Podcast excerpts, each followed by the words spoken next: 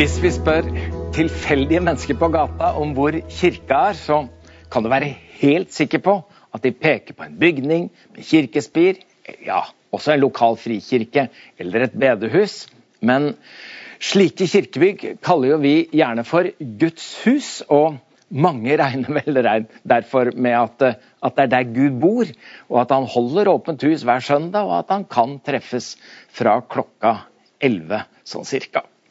Men siden Gud ikke bor i templer reist av menneskehender, så er jo våre kirkebygg i beste fall Guds folks hus. Altså der vi samles rundt ordet og bordet for å feire gudstjeneste. Og apropos gudstjeneste. Hvis vi spør tilfeldige kirkegjengere hva en gudstjeneste er, da kan du være helt sikker på at de nevner tale og sang, skriftlesning, og bønn, dåp og nattverd, og kanskje til og med kirkekaffe. Og det er ikke noe galt med noe av det, men hvis vi begrenser kirka til et hus og gudstjenesten til en feiring, da plasserer vi både Gud og kirka innenfor veldig, veldig små og trange rammer. Så vi trenger å utvide våre perspektiver. Både på hvor kirka er, men også hva gudstjeneste kan være for noen ting. Eh, da Jakob i Det gamle testamentet dro fra Beersheba mot Harran, så måtte han overnatte på veien siden sola gikk ned. og Han la en stor stein under hodet, og så sovnet han. Og han sov helt sikkert som en stein. Men Herren selv viste seg for Jakob i en drøm.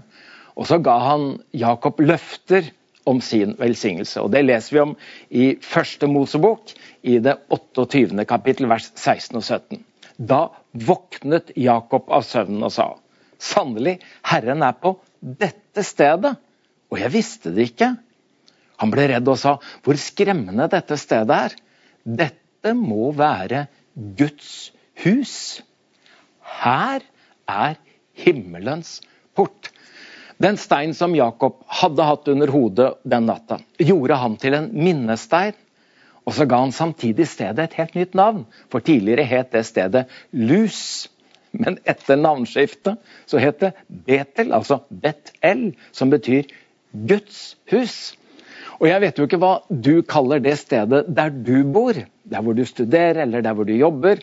Men hvis det for deg ligner på noe som heter lus, så er det kanskje en idé å skifte navn til Betel. For tenk hvilken forskjell det er når vi sier om det stedet der vi bor, studerer, jobber eller er. Dette må være Guds hus. Her er himmelens port. Denne taleserien har vi rett og slett kalt for Sendt. For å oppmuntre, men også for å utfordre hverandre til en større bevissthet om at vi er sendt, at vi er her for en hensikt. Og at alle er på oppdrag. Og at vi finner meningen med livet med å leve for noe som er større enn oss sjøl. Andreas Hegertun, kollega pastor, talte for to søndager siden om at vi er sendt med en hensikt og et håp og Sist søndag så talte Ro, eh, Halvard Roaldsnes om at vi er sendt ikke bare til vår lille verden, men vi er sendt til hele verden. Talene de fjernes fra YouTube og Facebook etter ei uke, men de blir liggende på postkast, så det kan du få med deg. I disse dager hvor vi ikke kan samles i kirka vår for å feire gudstjeneste, så er det fint å tenke på at det viktigste er ikke hvor mange Kirken kan samle men hvor mange Kirken kan sende. Og vi er sendt. Så i dag så har jeg lyst til å si litt om at vi er sendt sammen. Vi er sendt som tjenere, og så er vi sendt dit vi er. Og Jeg tenkte jeg skulle starte med at vi er sendt sammen. Det engelske ordet for oppdrag, det er jo 'mission'. Og Med en gang vi hører 'mission', så gjør vi koblingen automatisk til det norske uttrykket for misjon. Og Selv om ordene misjon og misjonær ikke forekommer i Bibelen, så er det allikevel Bibelens hovedtema. Misjon betyr å sende, og misjonær er en utsending. Men så fort vi hører ordet misjon og misjonær, så tenker vi på noen få som har reist til et helt annet land langt borte. Og Det er det også. Men i dypeste forstand så er vi alle misjonærer. Vi er utsendinger eller ambassadører som er sendt på oppdrag av Gud. På veien til nadverdssalen eh, til Getsemane på skjærtorsdag kveld så ber Jesus for alle sine det som senere har blitt kalt den øverste prestelige bønn. Og det leser vi i Johannes 17. Jeg ber ikke om at du skal ta dem ut av verden, men at du skal bevare dem fra det onde. De er ikke av verden, slik jeg ikke er av verden. Hellige dem i sannheten. Ditt ord er sannhet. Som du har sendt meg til verden, har jeg sendt dem til verden. Så vi er ikke mot verden, men vi har heller ikke noe behov for å dilte etter verden. Og vi har aldeles ikke behov eller ønske om å melde oss ut av verden. For vi er sendt. Vi er sendt til verden.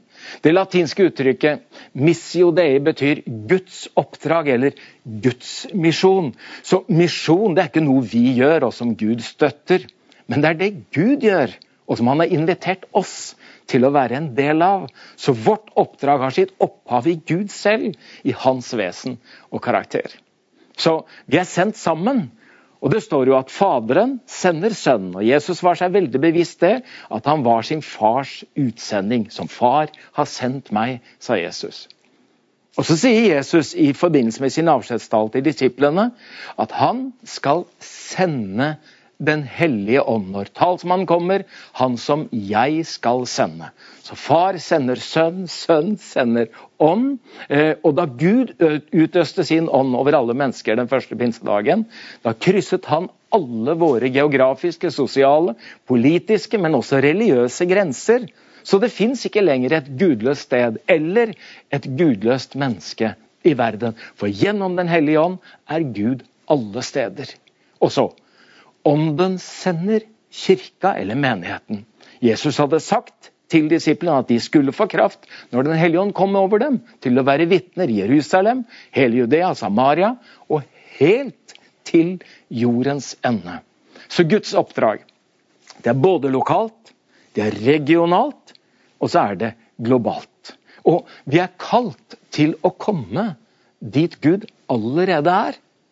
Og så har han invitert oss til å gjøre det Gud allerede gjør. Da den oppståtte Jesus møtte disiplene, så sa han Johannes 20, vers 21-22.: Fred være med dere.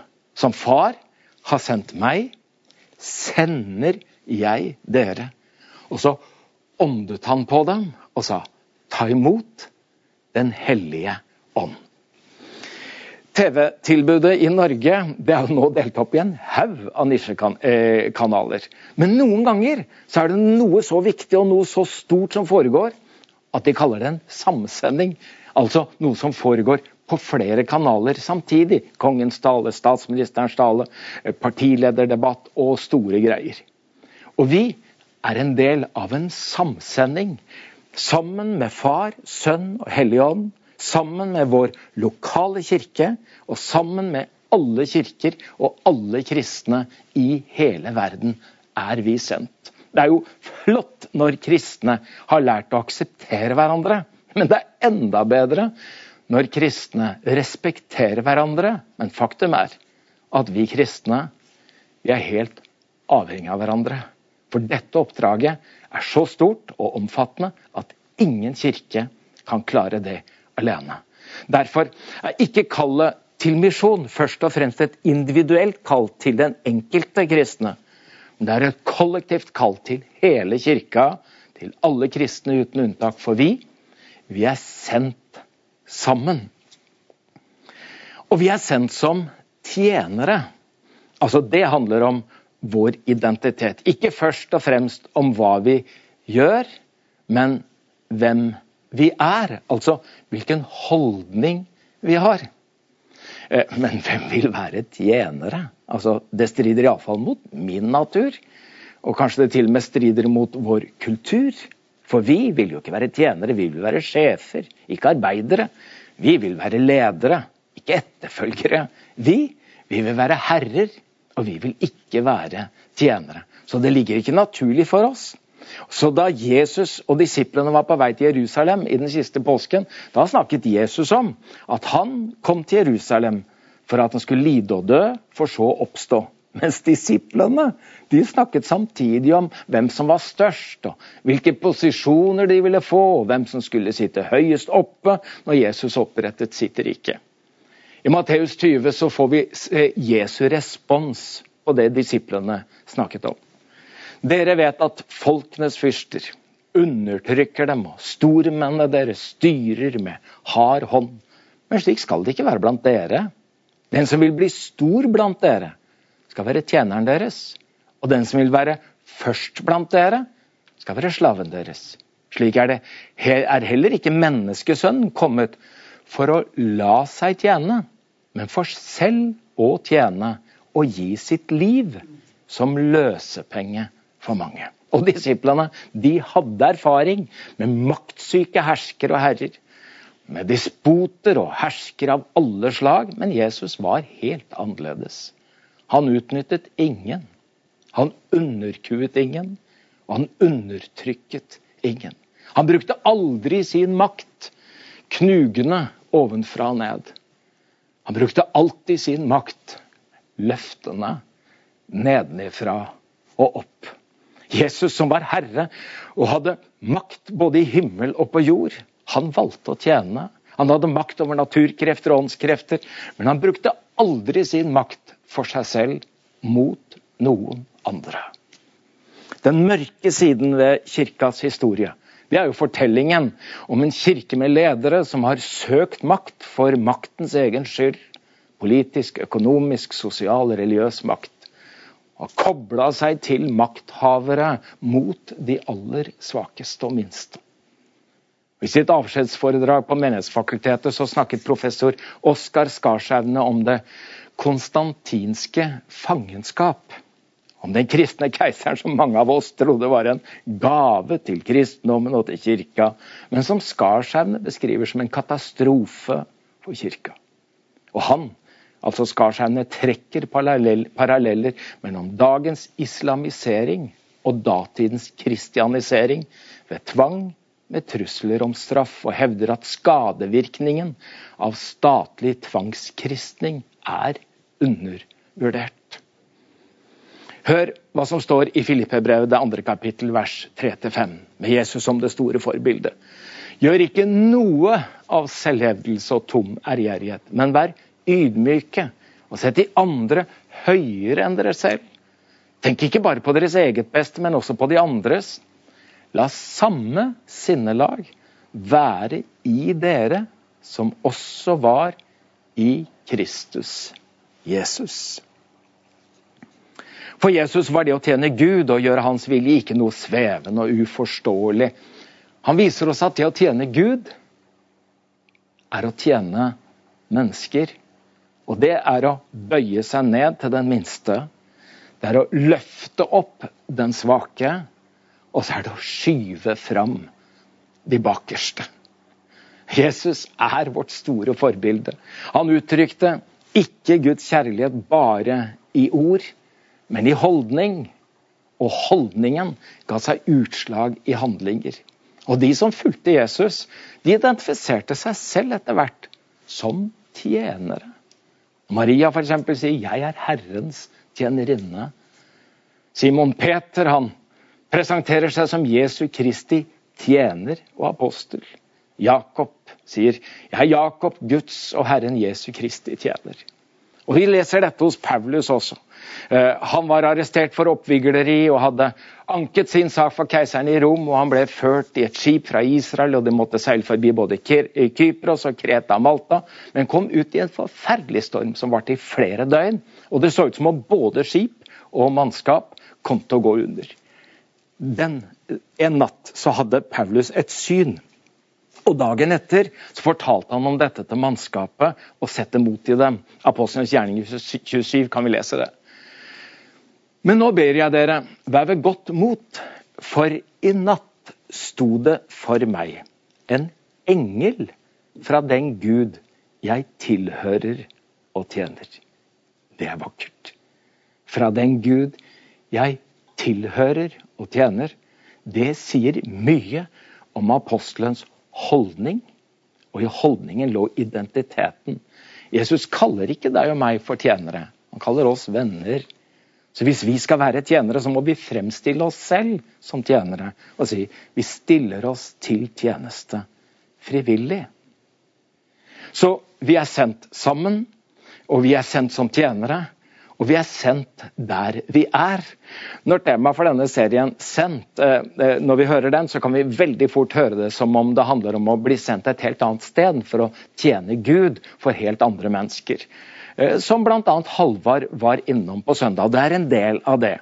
Eh, da en av døtrene våre var lita, så betrodde hun seg en dag til oss og sa at hun var så redd for å overgi seg helt til Jesus. For, for da var hun helt sikker på at hvis hun gjorde det, så kom han til å se, helt sikkert å sende henne til Kuala Lumpur. Eller noe sånt. Altså, det var det vanskeligste og verste hun kunne komme på. Det var Kuala Lumpur. Men å være sendt, det handler først og fremst om å tro oss sendt der vi allerede er. Nå er det drøye én million mennesker som bor i Stor-Oslo, og hvert år er det mer enn 40 000 nye som kommer til hovedstaden. Og hvert år kommer det like mange til Oslo som i byer som Tromsø, Bodø, og Sandefjord og Haugesund. Eh, og noen kommer jo hit fordi de må, som flyktninger eller som asylsøkere. Men veldig mange kommer jo hit fordi de vil, for å studere, noen kommer for jobb, eller rett og slett for å finne seg en kjæreste. Lykke til. Og jeg vet jo ikke hvorfor du er her. Mm. Om du utgangspunktet er her fordi du må, eller om du er her fordi du vil. Men uansett hvor vi er og hva vi gjør, så får vi lov å tro at vi er her som Guds utsendinger.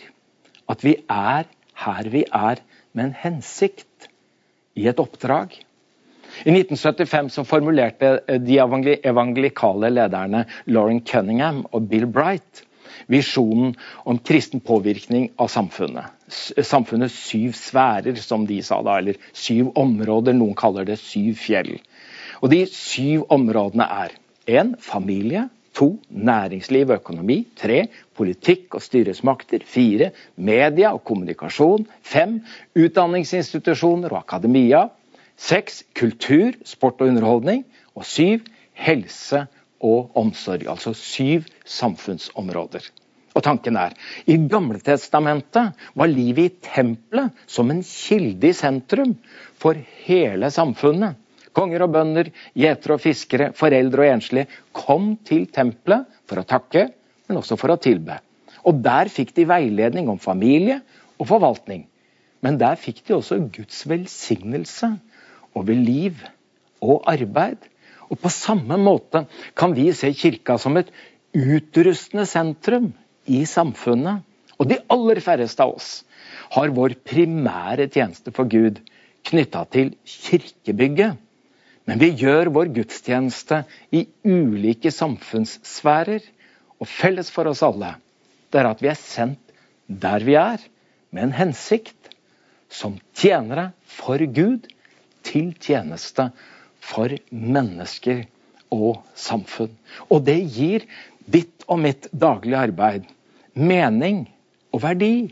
For det gjør arbeidet vårt like hellig og åndelig som søndagen. Gudstjeneste, både helligdag og hverdag.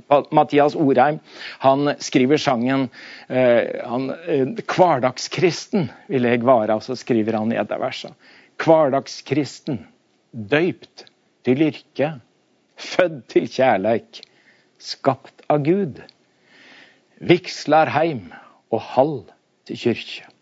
Kjøkenkrå og handelsbu. Mynt og vara får Guds stempel, fall og fusk på dør i må. Altarljosa i Guds tempel. Festglans gjev det kvardagsgrå og det var jo Orheim som også skrev sangen. Jeg har ei tjeneste stor for Gud, fra dag til dag i det stille. Der hverdagskleda vært høgtidsskrud, og livsens småting så gilde. Filadelfia-kirka vi kaller oss en flerstedskirke. Vi er i sentrum på Majorstua, Lillestrøm, Enebakk. Og nå kan vi ikke samles til gudstjeneste på noen av disse stedene. Og da kan kanskje ordet flerstedskirke få en utvidet forståelse. For nå er vi kirke der vi er. For altfor mange tenker om seg selv at nei, jeg er nok en sånn feilsending. jeg at jeg er på feil plass. Jeg, jeg er på feil sted, jeg er kanskje til og med på feil tid. Hvis jeg hadde bodd et annet sted, hvis jeg hadde levd i en annen tid, da da har jeg en liten oppmuntring å si det. Jeg har lært det av uh, oberst Jostein Nilsen, som uh, i flere år var korpsleder i tempelet her i Oslo. Han vokste opp i en offiserfamilie i Frelsesarmeen, og hvert år etter kongressen så kom enten den lyse grønne eller den rosa lappen som fortalte familien om at de nå skulle flytte, eller om de skulle bli akkurat der de var. I et intervju i avisa Dagen i 2014 så ble Jostein eh, så, eh, eh, da, da hadde han til da hatt totalt 38 beordringer i livet, og det har sikkert kommet flere etterpå. Men allikevel sier Jostein i det intervjuet at han ville sette navnet sitt under det andre i Frelsesarmeen har sagt før han. Frelsesarmeen har enda ikke klart å sende meg til et sted der Gud ikke kunne bruke meg. Så kallet og utfordringen denne søndagen, det er at vi ikke nødvendigvis skal dra til et helt annet sted enn der vi allerede er. At vi ikke nødvendigvis skal gjøre noe helt annet enn det vi allerede gjør. Men kallet er å se verden og samfunnet og menneskene rundt oss med nye øyne, og se det med Guds øyne. Jeg tenkte vi skulle dele Jesaja 6 vers 8 helt til slutt. Det er Jesaja som sier, se, så hørte jeg Herrens røst. Hvem skal jeg sende, og hvem vil gå for oss? Da sa jeg, se, her er jeg, send meg. Kanskje akkurat det du skulle gjøre sammen, og at vi skulle gjøre sammen denne søndagen. Vi som er sendt sammen, vi som er sendt som tjenere, vi som er sendt der vi er. At vi rett og slett skulle overgi oss, fremstille oss for Gud, fornye oss i vårt egen kall og vår overgivelse og si Se, her er jeg. Send meg. Og når du hører sangen 'Alt til Jesus gir jeg', så bare la det være mer enn en sang, men la det være din og min overgivelse. Amen.